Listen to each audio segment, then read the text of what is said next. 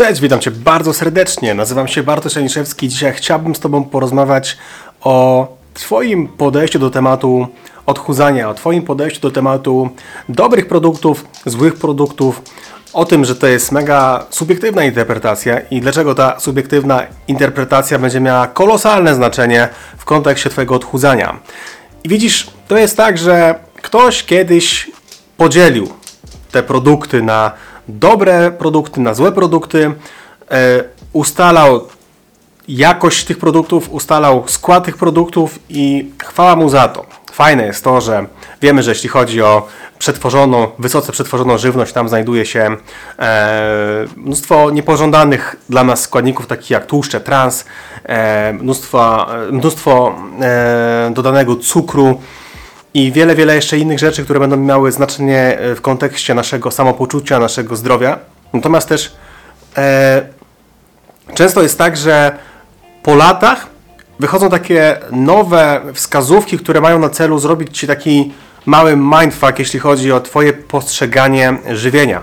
Bo przecież kiedyś ryba była czymś naprawdę pożądanym w kontekście diety e, śródziemnomorskiej, to właśnie ryba i orzechy, oliwa z oliwek i to wszystko miało kolosalne znaczenie. Tymczasem później okazuje się, że na przykład w rybie może być rtęć, e, oliwa z oliwek nie jest najlepszym produktem, jeśli chodzi o smażenie, a orzechy mogą powodować alergię.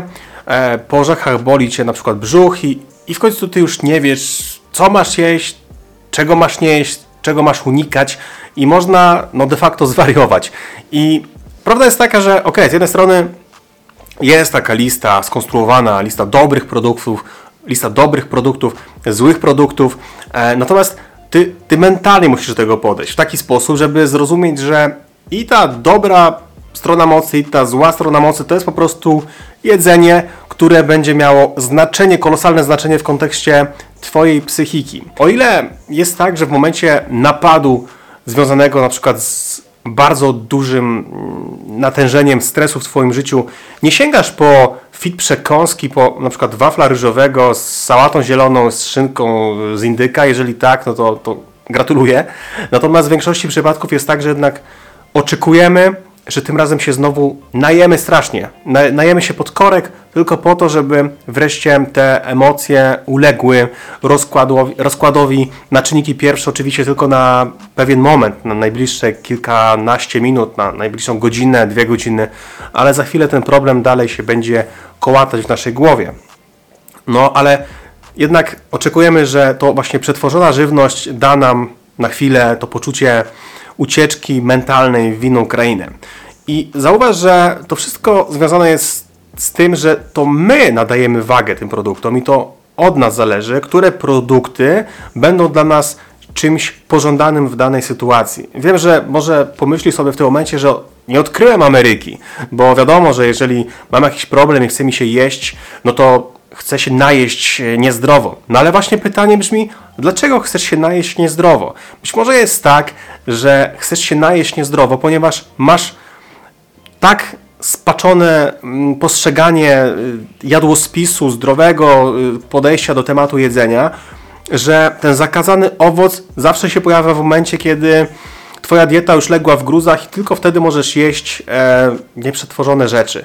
Zauważ, że nie sięgamy na przykład podczas napadu po zdrową żywność, no bo nie jest to dla nas atrakcyjne. Pamiętam, że jedna z moich pacjentek miała takie przeświadczenie, że mimo tego, że lubiła na przykład owoce, warzywa, nie miała z tego tytułu żadnego problemu, żeby to jeść, absolutnie powiedziała, że jakąkolwiek e, rozpiskę jeszcze wtedy, w czasach, kiedy rozpisywałem diety, rozpiszę, to nie ma absolutnie żadnego problemu. Problem pojawia się w momencie, kiedy jest napad. I kiedy zaczęliśmy rozmawiać na temat tego, po jakie produkty sięga podczas napadu, no to jadła wszystko, ale absolutnie wszystko, wykluczając na przykład warzywa i owoce. No i pytanie brzmi dlaczego? I widzisz, okazywało się, że ten bilans zysków i strat z tego, że akurat teraz musi jeść te warzywa i owoce, nie zgadzał się. Raczej było więcej strat niż zysku z działań pod tytułem jem warzywa i owoce w momencie, kiedy się czuje źle.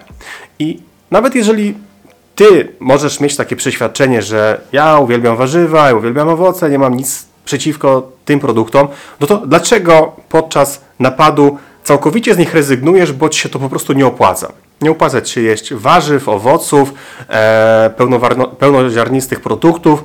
Po prostu wolisz mega przetworzone rzeczy, bo to ci daje satysfakcję. Zastanów się, czy ty przypadkiem mentalnie nie jesteś nastawiona w taki sposób na, na twoje żywienie, że musi być wszystko idealnie, że musi być tak, że tylko biała lista produktów pojawia się w twoim życiu, a z czarnej rezygnujesz całkowicie i czekasz na to, że wyłączysz się na trzy miesiące na przykład ze wszystkich spotkań, z, ze spotkań towarzyskich, ze spotkań rodzinnych i przeżyjesz i nawet jeżeli zobaczysz, że na wadze pojawiło się minus 6 kg, 7 kg, to zastanów się, jakim kosztem to robisz. I czy przypadkiem za dwa lata nadal będzie wyglądać tak Twoje odchudzanie, Twoje żywienie, Twoja zmiana nawyków żywieniowych.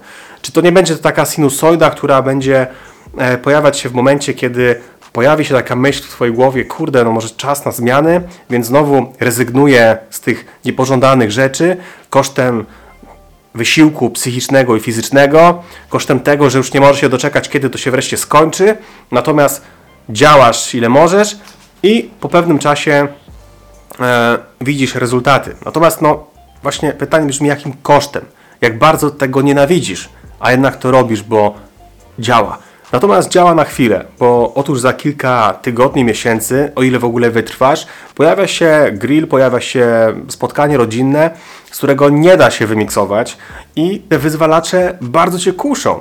No i pytanie, czy wytrwasz, czy nie wytrwasz? A co by było, gdybyś wpoiła sobie, gdybyś wpoił sobie takie myślenie, takie przekonanie, że ty możesz jeść wszystko, ale tego nie musisz.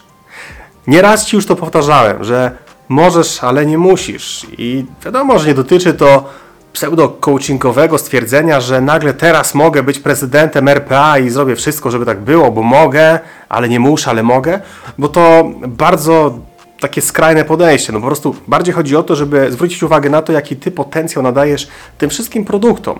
Jaki potencjał, jaką siłę ma każde stwierdzenie w postaci tego, że ja nie mogę teraz jeść yy, czekolady ja muszę jeść sałatę zieloną, ja muszę jeść duszone warzywa i tak dalej, i tak dalej. Ja nie mogę, za wszelką cenę nie mogę tego zrobić, bo jak to zrobię, no to wtedy cały świat po prostu się już nie liczy i wcinam wszystko jak leci i ta przepowiednia, o której Ci ostatnio mówiłem, samospełniająca się też bierze górę, no bo Ty już jesteś skazana na porażkę.